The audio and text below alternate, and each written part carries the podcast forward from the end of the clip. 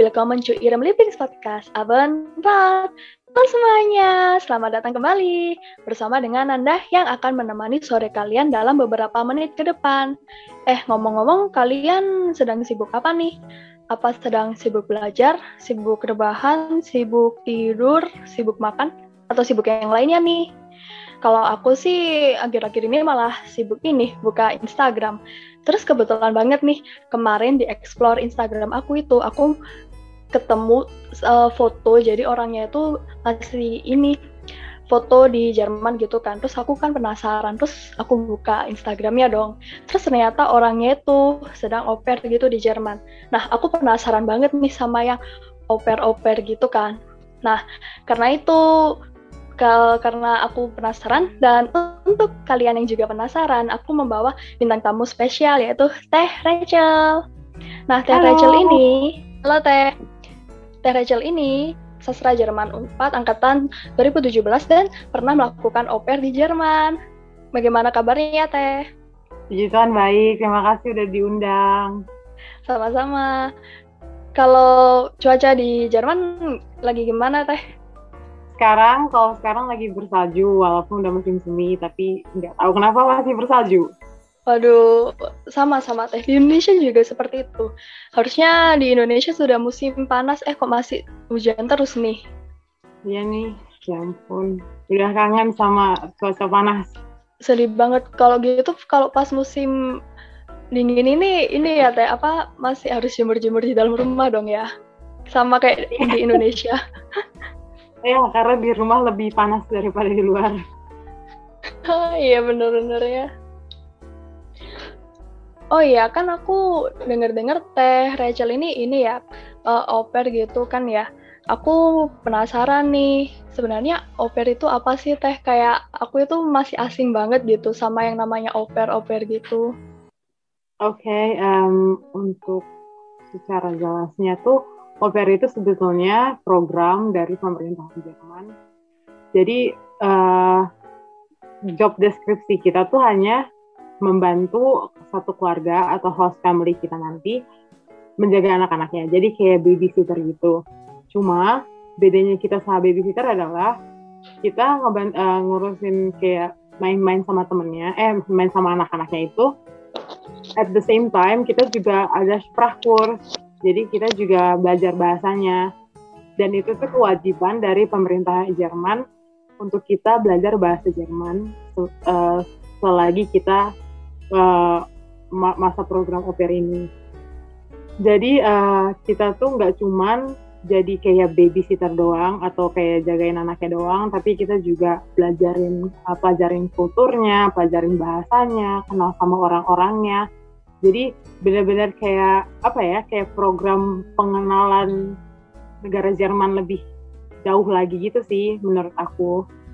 Iya menarik banget terus kalau boleh tahu ini kira-kira uh, dalam jangka waktu berapa lama ya teh apa bisa uh, kira-kira misal tiga bulan atau hanya dua bulan atau seminggu atau malah bisa beberapa tahun gitu untuk cover sendiri uh, setahu aku ya, setahu aku uh, cuman bisa satu tahun dari dari orang Indonesia. Jadi orang Indonesia ke Jerman kita cuma boleh satu tahun, nggak boleh lebih. Jadi emang masa oper itu cuma setahun uh, seta, uh, sekali seumur hidup, itu satu tahun ini. Jadi kalau misalnya aku udah oper, aku nggak boleh oper lagi di Jerman. Kalau misalnya oper aku udah mencapai satu tahun. Tapi uh, ada special case yang mungkin kayak kemarin corona, jadi nggak bisa pulang opernya nggak bisa ke Indonesia nggak bisa balik jadi lebih dari satu tahun jadi satu tahun tiga bulan satu tahun empat bulan cuma itu cuma special case doang dan itu tuh nggak formal nggak maksudnya nggak nggak ini apa sih apa ya nggak official gitu. Tiga bulannya itu nggak official cuman karena harus that staying karena nggak bisa pulang ke Indonesia aja makanya boleh lebih dari satu tahun. Tapi kalau misalnya biasa aja nggak ada special case itu sebetulnya nggak boleh. Ah, begitu. Jadi ini ya uh, special case-nya emang karena corona ini yang memaksa emang nggak bisa keluar ke mana-mana semua semua itu harus ini iya, uh, sesuai aturan yang ketat gitu ya. Iya. Oh ya aku penasaran juga nih teh uh, teh Rachel tuh berarti itu kerjanya itu kan kayak semacam babysitter ya. Tapi kira-kira itu sehari kerjanya berapa jam ya teh? Apa kayak seperti babysitter uh, pada umumnya atau cuman karena au pair kan uh, beda jam kerjanya gitu? Iya, jadi uh, au pair itu dimaksimalkan jam kerjanya itu 30 jam per minggu. Nah, 30 jam per minggu itu berarti kalau misalnya kita bilang per harinya itu dan 30 jam per minggu tapi hari minggu tuh harus libur jadi kayak cuma enam hari per minggu gitu kerjanya dan hari Sabtu pun sebetulnya kalau misalnya kalian omongin lagi sama uh, host family-nya itu bisa diliburkan juga jadi kayak jadi 30 jam dibagi lima hari kayak Senin sampai Jumat jadi kayak maksimal tuh kayak 5 sampai 6 jam hari eh 5 sampai jam 6 5 sampai 6 jam per hari itu jam kerjanya over. Ah, begitu. Jadi ini ya pasti dalam seminggu itu ada hari liburnya gitu ya dan untuk uh, tambahan hari libur yang lain ini bisa ini ya uh, kondisional. Jadi uh, ada perjanjian gitu ya sama keluarganya gitu ya. Iya, betul. Jadi kita benar-benar ada kayak kan kalau over kita juga ada kontrak. Nah, di kontrak ini juga bakal tertera kok kayak kalian kerjanya berapa berapa jam per hari dan Uh, dan kita oper kita juga ada hari kayak hari libur hari liburnya itu kayak hari cuti gitu kayak 30 hari per tahun jadi kita bisa kayak contohnya kita di hari di musim panas kita mau jalan-jalan gitu nah kita bisa ngambil hari cuti dari 30 hari ini oh menarik banget ya Nah, aku jadi makin penasaran nih dan aku malah jadi ini nih jadi pengen nyobain oper nih. Nah, kalau nyobain oper ini uh, pasti ini ya uh, ada syarat dan ketentuannya gitu kan ya Teh. Kira-kira apa aja ya, ya Teh? Uh, kemarin pas aku ke sini syarat yang terpenting adalah kalian harus ada kontrak dari gas family kalian. Nah, kontrak ini uh, bakal datang kayak terserah gue terserah gas familinya sih entah lewat email atau lewat pos. Kalau lewat pos berarti akan agak lebih lama ya karena dari Jerman ke Indonesia waktu pengantarnya agak lama. Dan uh, selain kontrak itu kalian bakal dapat undangan dari gas family juga. Nah undangan ini bakal kayak ada tulisan kalau misalnya gas family ini mengundang kalian untuk jadi pair di, di keluarganya. Ada kontrak, undangan, terus ada ini um, asuransi Nah, asuransi kesehatan ini kalian nggak boleh masuk ke Jerman kalau nggak ada asuransi kesehatan. Jadi dan tapi asuransi kesehatan ini bakal diurus sama Gasfabeli juga. Jadi kalian jangan khawatir karena uh, asuransi ini juga salah satu uh, pro, uh, salah satu uh, requirement buat gas family ini untuk mengundang oper. Selain itu, kalian juga butuh uh, sertifikat bahasa A1 dari Goethe Institute Ya. Jadi harus ada sertifikat minimal uh, sertifikat bahasa minimal A1. Itu terus sama apa lagi ya? Sama kayak identitas dari keluarganya, terus kartu keluarga dari keluarganya. Pokoknya menurut aku sih lebih banyak hal yang kita bisa ya maksudnya kita harus pastiin dulu kita dapat host family kita pastikan dulu kita dapat guest family karena kayak 80% dari berkas-berkas yang kita butuhkan tuh datangnya dari dari hasil family kita. Oh, jadi itu ya lebih banyak berkas yang dari gas family itu juga ya. Kalau boleh ya. tahu ini uh, Teh Rachelnya itu dulu milih uh, keluarganya tuh kayak gimana sih sama lokasinya? Apakah menentukan kayak uh, aku maunya di kota besar nih, soalnya pasti kayak transportasinya gampang gitu atau kayak em aku pengen ini uh, kota yang nggak terlalu besar banget kayak Berlin gitu soalnya aku kayak pengen ya lebih suasana yang berbeda aja gitu teh uh, aku sih kemarin pas milih-milih gitu milih-milih family gitu aku nggak pentingin sih dia dari mana. Karena aku dulu kemarin emang kayak pengen oper kan jadi kayak nggak penting lah mau di desa mau di kota yang penting aku Jerman. Eh ya maksudnya ke Jerman ya. Aku pengen ke Jerman jadi kayak aku nggak pentingin uh, di mana mereka tinggal yang penting aku bisa ke Jerman. Dan kemarin tuh aku dapetnya di kota uh, nggak terlalu besar sih cuma lumayan besar untuk uh, untuk yang lain karena di Jerman ini kan nggak banyak kota besar ya. Nggak kayak di Indonesia walaupun besar pun kayak kotanya tuh nggak serame di Indonesia gitu. Jadi aku tuh dapetnya kota yang macam apa ya kalau dibandingin sama Indonesia tuh kotanya tuh kayak apa ya uh, kayak Bandung deh. Ah kayak Bandung gitu ya. Ya jadi nggak sebesar Jakarta tapi masih lumayan hmm, besar lah Ah, oke okay, oke okay. berarti nggak sebesar dan sepada Jakarta tapi kayak masih iya masih hitungannya besar yang nggak sebesar itu. Iya masih ada aksesibilitas yang gampang lah intinya. Hmm oke okay, oke. Okay. Terus kalau yang milih keluarga ini juga apakah ada uh, ketentuan sendiri dari Teh Rajalnya kayak misal um, aku pinginnya anaknya yang ini deh uh, misal nggak mau yang masih bayi maunya yang masih uh, eh, SD atau yang masih uh, eh, TK gitu. Hmm, jadi uh, aku ini aku kasih tahu aja ya kalau boleh nggak apa lah ya nyebut merek biar hari ini informasi oh, iya, silakan silakan. Jadi aku tuh uh, apply dirinya tuh di my oh, uh, operworld.com itu kalau kalian cari di Google pasti ada. Overworld uh, overworld.com nah di situ tuh nanti ada isinya kan kayak family family yang kalian mau. Jadi nanti kalian kayak pilih gitu kayak ada filternya gitu. Nah kemarin aku tuh filternya cuma aku nggak berani mengenanganin orang eh mengenanganin anak yang uh, butuh uh, yang membutuhkan kebutuhan khusus gitu. Karena aku takutnya aku aku salah menanganinya.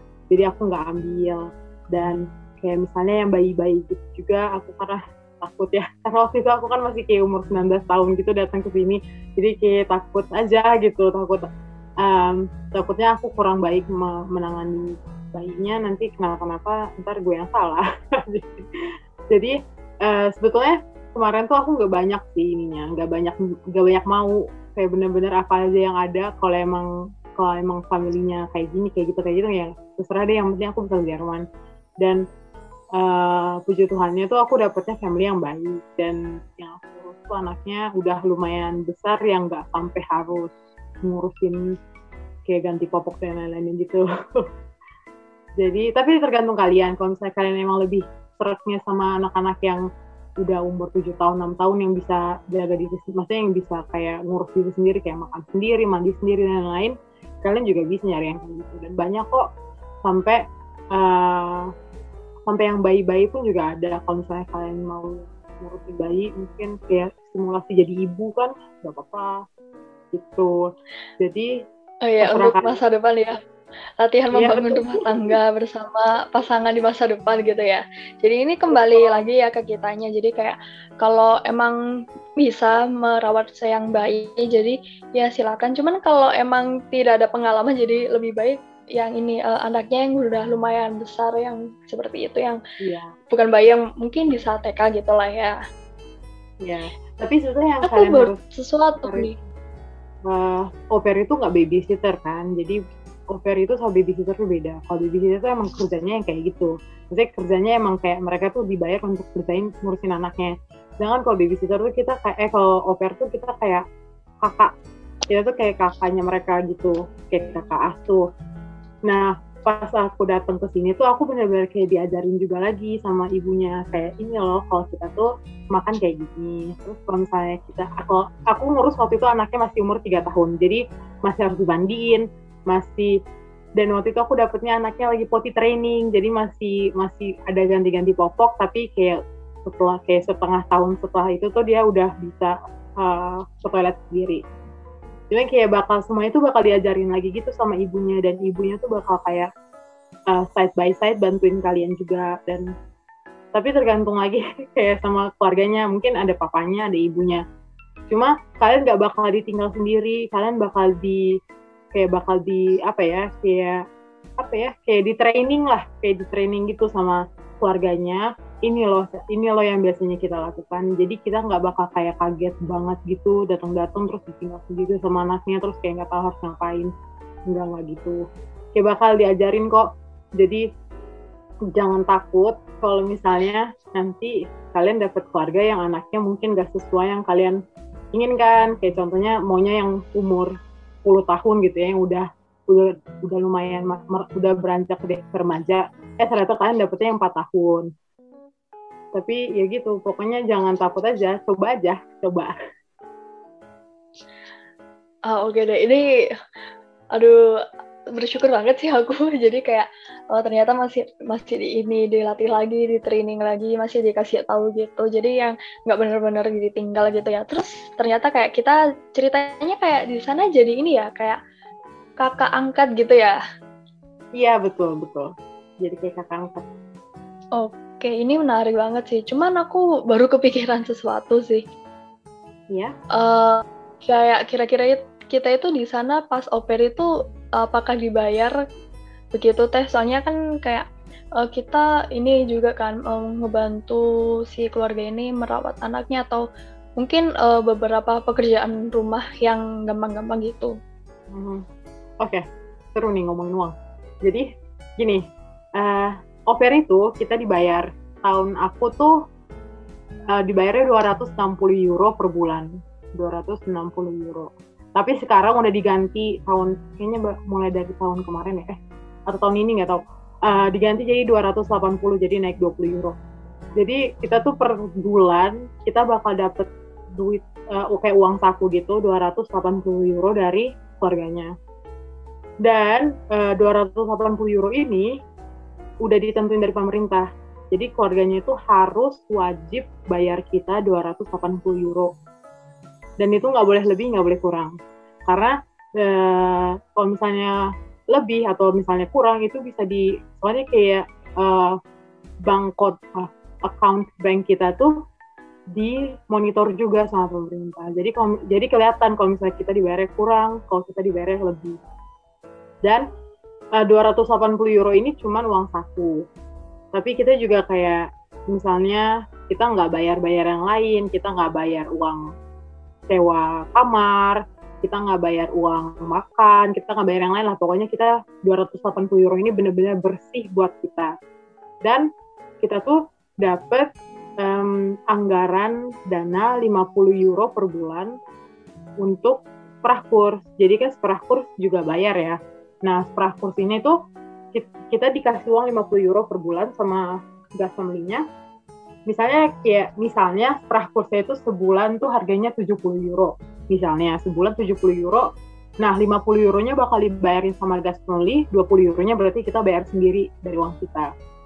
Jadi yang yang diwajibkan dari pemerintah adalah kita dibayar uang 280 euro per bulan sama 50 euro untuk uh, ini sprah kurs jadi in total tuh kita dapat 330 euro per bulan gitu Nah itu tuh nggak ini ya, tapi nggak apa sih namanya, nggak nggak fix. Jadi tiga, uh, kalian tuh bisa dapat lebih juga. Kayak tergantung omongan kalian nanti sama family kalian. Kayak contohnya, uh, ternyata kayak misalnya nih kalian hari Minggu tuh harusnya libur, tapi hari Minggu kalian malah harus kerja karena familynya uh, kayak mama papanya harus pergi. Nah kalian tuh bakal dapat bonus. Jadi kayak 280 euro ini bakal ditambahin sama bonus lagi gitu. Karena kalian kerja lebih dari yang ditentukan. Dan kayak contohnya uh, kita kan ada yang kayak kita 6 jam per hari misalnya kerja 6 jam per hari. Terus tiba-tiba ternyata orang tuanya harus pergi malam nih. Kayak mereka mau dinner date gitu malam-malam jadi kalian harus kerja dong malam-malam jagain anaknya terus kayak bawa anaknya tidur dan lain-lain tuh kalian harus jagain nah itu kalian juga bisa dapat bonus jadi 280 euro ini tuh cuma kayak apa ya? Cuma kayak starting point doang gitu. Starting point dari oh, jadi duit yang kalian bakal terima. Belum Coba yang bakal di yang bakal ditransfer tuh 280. Mungkin bonus-bonusnya hmm. itu bakal dikasih kayak cash gitu-gitu. Ah, oke. Okay. Jadi itu 280 itu kan berarti masih belum fix karena juga masih bisa uh, ketambahan yang uh, untuk kelas yang bahasa tadi sama yang misal uh, bonus-bonus tadi gitu ya teh ya. Dan banyak juga ya 280. Iya lumayan. lumayan lah buat jalan-jalan shopping-shopping kan. Iya iya itu jalan-jalan kayaknya bisa sampai neg apa negara sebelah, negara tetangga. Bisa bisa serius ini aku nggak bohong bisa soalnya di Jerman ini semuanya kan terkoneksi dengan kereta. Jadi kalian nggak harus naik pesawat kan untuk ke negara lain. Jadi itu benar-benar kayak bisa banget banget banget banget ini. aku aku bilang kayak kalian tuh bisa banget apalagi kalau misalnya kalian tinggalnya tuh di pinggiran Jerman. Contohnya maksudnya kayak di border gitu ya karena kayak aku aku tinggalnya tuh di, aku kemarin au pair itu cuman dua jam dari uh, Switzerland. Jadi aku oh, berarti deket. Eh deket banget. Dan aku dua jam ke Switzerland sudah satu jam setengah ke Prancis jadi kayak itu tuh kalian bener-bener koneksi uh, transportasi di Jerman tuh kayak gampang banget ke mana-mana kan. Dan mm, kayak gila dah pokoknya. Gila dah. Udah dah mending ikut oper aja udah oh iya nih uh, aku penasaran nih um, kayak kan tadi tetenya bilang kayak udah udah kayak ayo oper aja gitu aku jadi penasaran nih kayak kira-kira pas misal kita oper itu dapat apa aja ya tes selain kita yang bisa kayak menambah pengalaman gitu uh, pernah ke luar negeri pernah ke Jerman nih sama belajar bahasa Jermannya juga gitu. Apakah kita dapat sesuatu yang lain gitu teh? Um, ini balik lagi ke masing-masing. Cuma kalau ke aku ya, kalau ke aku kemarin opera aku setahun, aku tuh bener-bener bisa de develop diri banget. Kayak pengembangan dirinya tuh bener-bener wah banget. Karena kayak aku tuh sebelumnya tuh nggak pernah tinggal sendiri kan.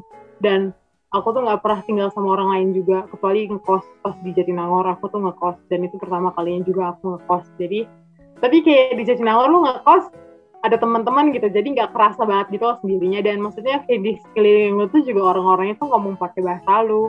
Jadi kayak lu nggak ngerasa kayak kesepian banget lah ya. Sedangkan kalau ya pertama kali gue datang ke Jerman tuh semua orang tuh ngomong pakai bahasa Jerman gitu. Sedangkan gue datang kayak ah gila benar-benar kayak pusing banget. Maksudnya kayak sama keluarganya sebetulnya gue sama mamanya tuh ngomong awalnya pakai bahasa Inggris karena kayak transisi gitu kan. Karena takutnya kalau misalnya mereka pakai bahasa Jerman semua gue nggak ngerti nanti gue salah ngerjainnya. Cuma kayak keluarganya sih ngomong pakai bahasa Inggris. Cuma kayak kalau misalnya kamu ke keluar naik transportasi dan lain-lain kan kita pakai pakai bahasa Jerman kan. Jadi kayak apa ya dan itu tuh juga meng kayak nge ngeboost aku untuk belajar Jerman lebih lagi. Kayak apa ya jadi kayak lebih ayolah ayolah sih lu harus lu harus bisa nih ngomong pakai bahasa ini. Kalau enggak lu nggak bisa ngapa-ngapain. Dan gak enak gak sih? Kayak maksudnya kayak ke mana-mana tuh jadi nggak ngerti apa-apa gitu. Kayak jadi kayak orang awam banget gitu kan. Jadi hmm, kayak iya iya iya.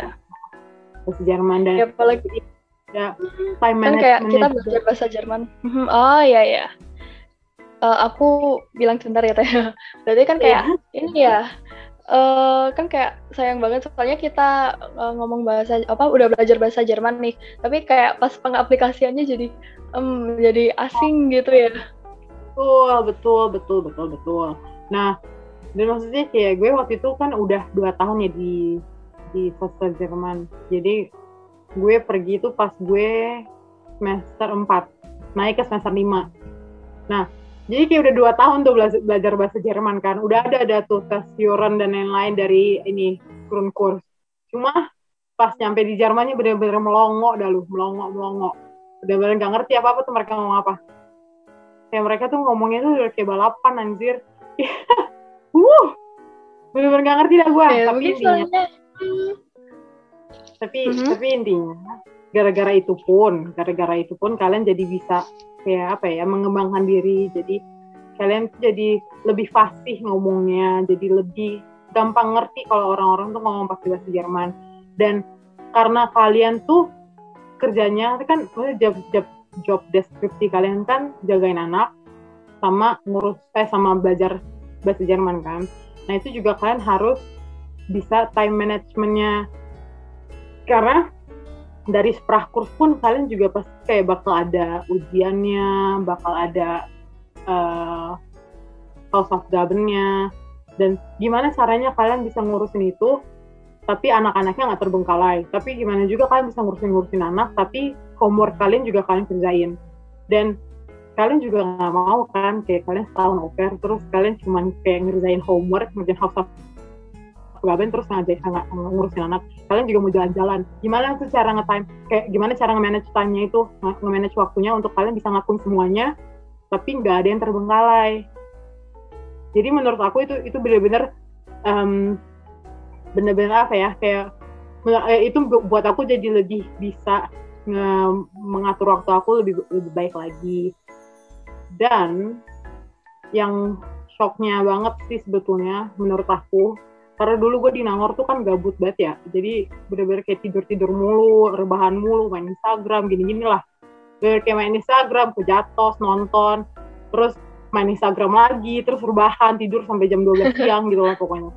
Nah kan gue di sini waktu itu dapat keluarganya emang mereka tuh kerjanya eh, maksudnya mereka tuh emang kerja kan. Jadi mama papanya tuh kerja. Jadi gue mau nggak mau harus bangun pagi sebelum mama papanya kerja. Dan gue dulu tuh mulai kerja tuh jam 7 pagi. Lo bayangin lah guys gue dulu tidur sampai jam 12 siang terus sekarang gue bangun jam 7 pagi. Gila. Tapi tapi puji Tuhannya sih bisa ter uh, lama-lama kan jadi kebiasaan ya kalau misalnya di, diterapkan. Jadi ya gitu jadi kayak pengembangan diri gue tuh bener-bener kelihatan banget saat gue di oper terus jadi bisa manage uh, duit kayak iya sih emang banyak duitnya kayak 280 euro dan itu bener-bener buat kita doang nggak nggak usah bayar-bayar yang lain lagi. Tapi nggak mau juga kan kayak pulang-pulang ke Indonesia tapi nggak bawa apa-apa.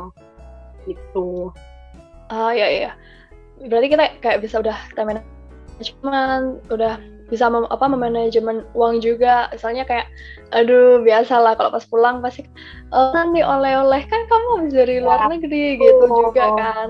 Oh teman-teman tuh pasti. Ya pasti kayak mau dong oleh-oleh apa aja deh coklat deh boleh satu. Kayak pasti ada yeah. nih yang mau yang minta-minta gitu. terus kayak kita juga hmm. iya dan kita kalau misalnya nolak juga nggak enak kan karena kayak ya namanya temen ya temen ya temen ya guys jadi gimana? Cuma kayak ya gimana caranya kalian manage uang kalian untuk oleh-oleh ada untuk eh, jalan-jalan karena nggak mungkin gak sih? Kalian oper terus nggak jalan-jalan nggak sih? Itu kayak sayang banget gitu opernya terus kayak gimana caranya manage duit itu buat teman-teman oleh-oleh buat jalan-jalan terus mungkin buat cewek-cewek atau yang cowok-cowok juga uh, skincarean. Karena skincare di Jerman tuh benar-benar banyak banget guys. Banyak banget. Kayak di, di Indo juga udah banyak gak sih? Kayak di Guardian gitu-gitu atau di Watson banyak. Cuma kan di yeah, Jerman yeah. tuh wah gila ini ini bener-bener kayak aku pengen coba segalanya. Dan gimana caranya lu nggak lu lu nggak hedon gitu. Gimana caranya nggak hedon dan itu kan jadi kayak lama-lama tuh kalian bisa ngurus diri sendiri dan ngurus duit kalian juga. Jangan sampai kalian bener-bener kayak sebulan tuh duitnya habis terus nunggu lagi uh, nunggu lagi digaji terus habis lagi. Jadi nggak ada uang tabungan gitu Oh, oke oke. Ini sangat membantu banget sih, apalagi buat kalian yang suka beli-beli. Soalnya kayak ah nggak apa-apa lah kan di Indonesia nggak ada gitu kan. Pasti sering kayak gitu nggak apa-apa lah sekali-sekali di Indonesia nggak ada kok. Betul, ya ampun, ya ampun itu gua banget. Dan itu salah banget guys, serius salah banget. Pemikiran yang salah. Harus jadi hedon. Nah itu guys, dengarkan dan ingat-ingat ya. Please jangan hedon. Betul.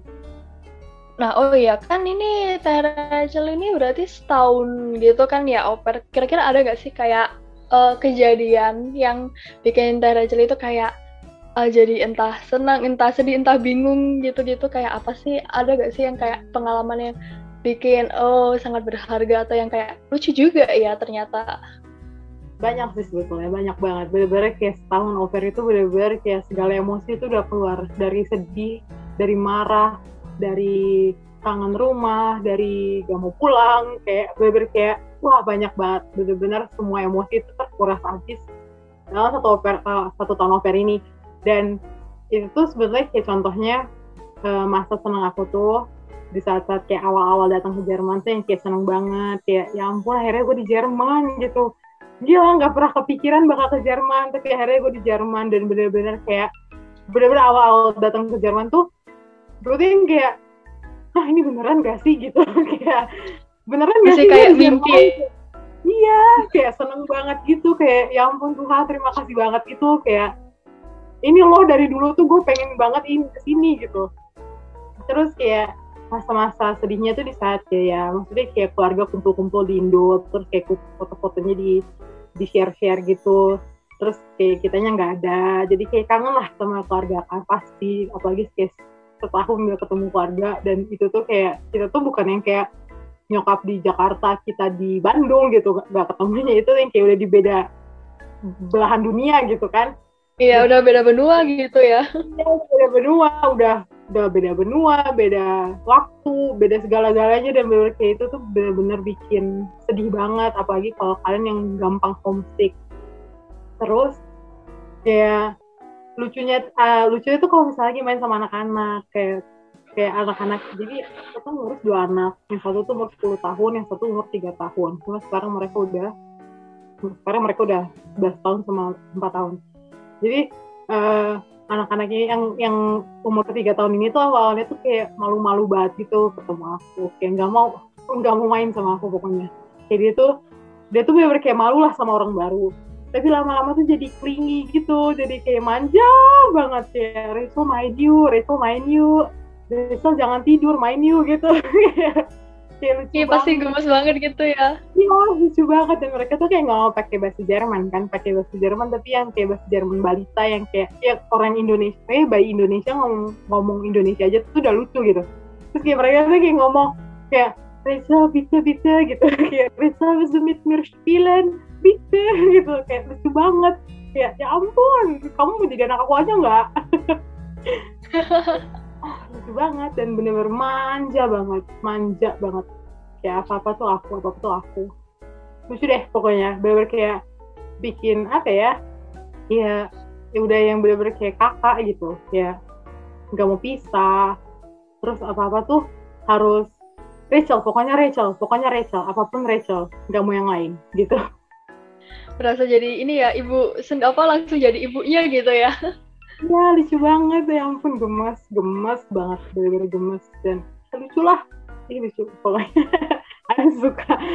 Aku aku kan aku emang suka anak uh, anak-anak jadi makanya aku oper kan. Tapi emang kayak kayak tapi sebelumnya tuh aku nggak pernah kerja sama anak-anak. Gitu ya kayak paling cuma main-main doang sama uh, sama adik sepupu gitu-gitu. Cuma kayak bener-bener jaga anak gitu tuh gue nggak pernah. Dan pas beneran jaga tuh yang kayak awalnya takut kan takut kayak aduh gue takut salah nih takut gini gini gini. Tapi enggak lama-lama tuh jadi bisa karena emang dia awalnya dibantu kan.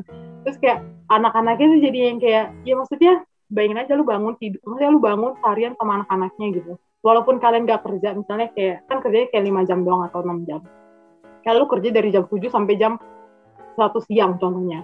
Terus nanti mungkin kalian mau jalan-jalan ke kota atau gimana-gimana cuma kayak nanti lu pulang ketemu lagi sama anak-anaknya. Jadi kayak bener kayak 24 7 kalian tuh sama anak-anaknya gitu. Jadi kayak lama-lama anak-anak itu juga jadi kayak manja ke kalian. Jadi ya pengen main sama kalian mulu gitu gitulah dan lucu aja. Sedihnya itu nanti kalau kalian udah selesai oper terus kalian harus pulang terus nanti kayak hah sedih dah pokoknya ya pasti soalnya kayak udah rutinitas juga ya. Kayak apa ngejagain anak kecil. Terus anak kecilnya manja ke kita juga. Terus pas sudah selesai kayak ya udah nggak ngejagain lagi deh gitu. Ya udah nggak ketemu lagi. Terus kayak sedih sebetulnya. Cuma ya gimana? Kan the life the life must go on. Iya bener banget. Soalnya juga ada keluarga kita sendiri yang di Indonesia yang menunggu kita pulang juga gitu ya.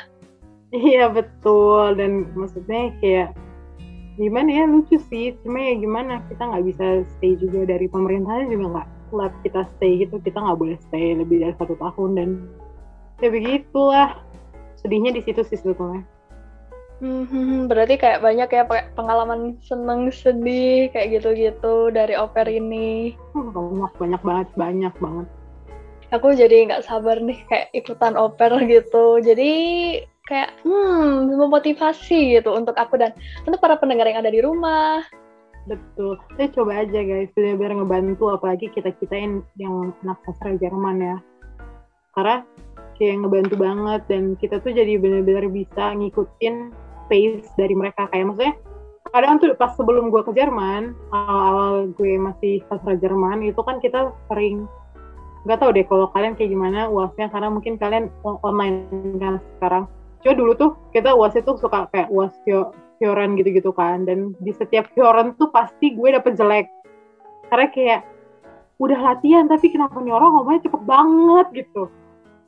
Tapi kayak lama-lama karena gue di Jerman jadi jadi sekarang tuh udah bisa gitu loh udah bisa ngikutin uh, ngikutin speed mereka kalau ngomong. Ah ya ya aku paham banget sih teh. Soalnya aku pas kayak latihan Hyoran aja udah kayak ini ngomong apa ya kok cepet banget gitu ah betul Nah, oke okay deh buat kalian, ini tuh udah mencakup banyak informasi dan cerita-cerita menarik bagi yang penasaran ter. Nah, apakah kalian sudah ini terpuaskan rasa ingin tahunya dan sebenarnya nggak terasa sih kalau ternyata kita udah di penghujung acara, penghujung pembicaraan seru ini. Oh, sedih. Sedih banget. Iya, padahal masih banyak. Apa, tapi ini, hmm, uh, tapi ya soalnya Abandon bakal kembali lagi dengan episode-episode menarik. Nah, jangan lupa untuk share Abandon dan episode ini ke sosial media kalian agar kalian dan juga teman-teman tersayang atau juga keluarga kalian bisa tahu dan mungkin saja nih teman kalian akhirnya termotivasi untuk ikutan oper gitu kan. Gak ada yang tahu. Ya, betul, betul. Gak ada yang tahu. Oke deh. Dan ke heute. Tschüss.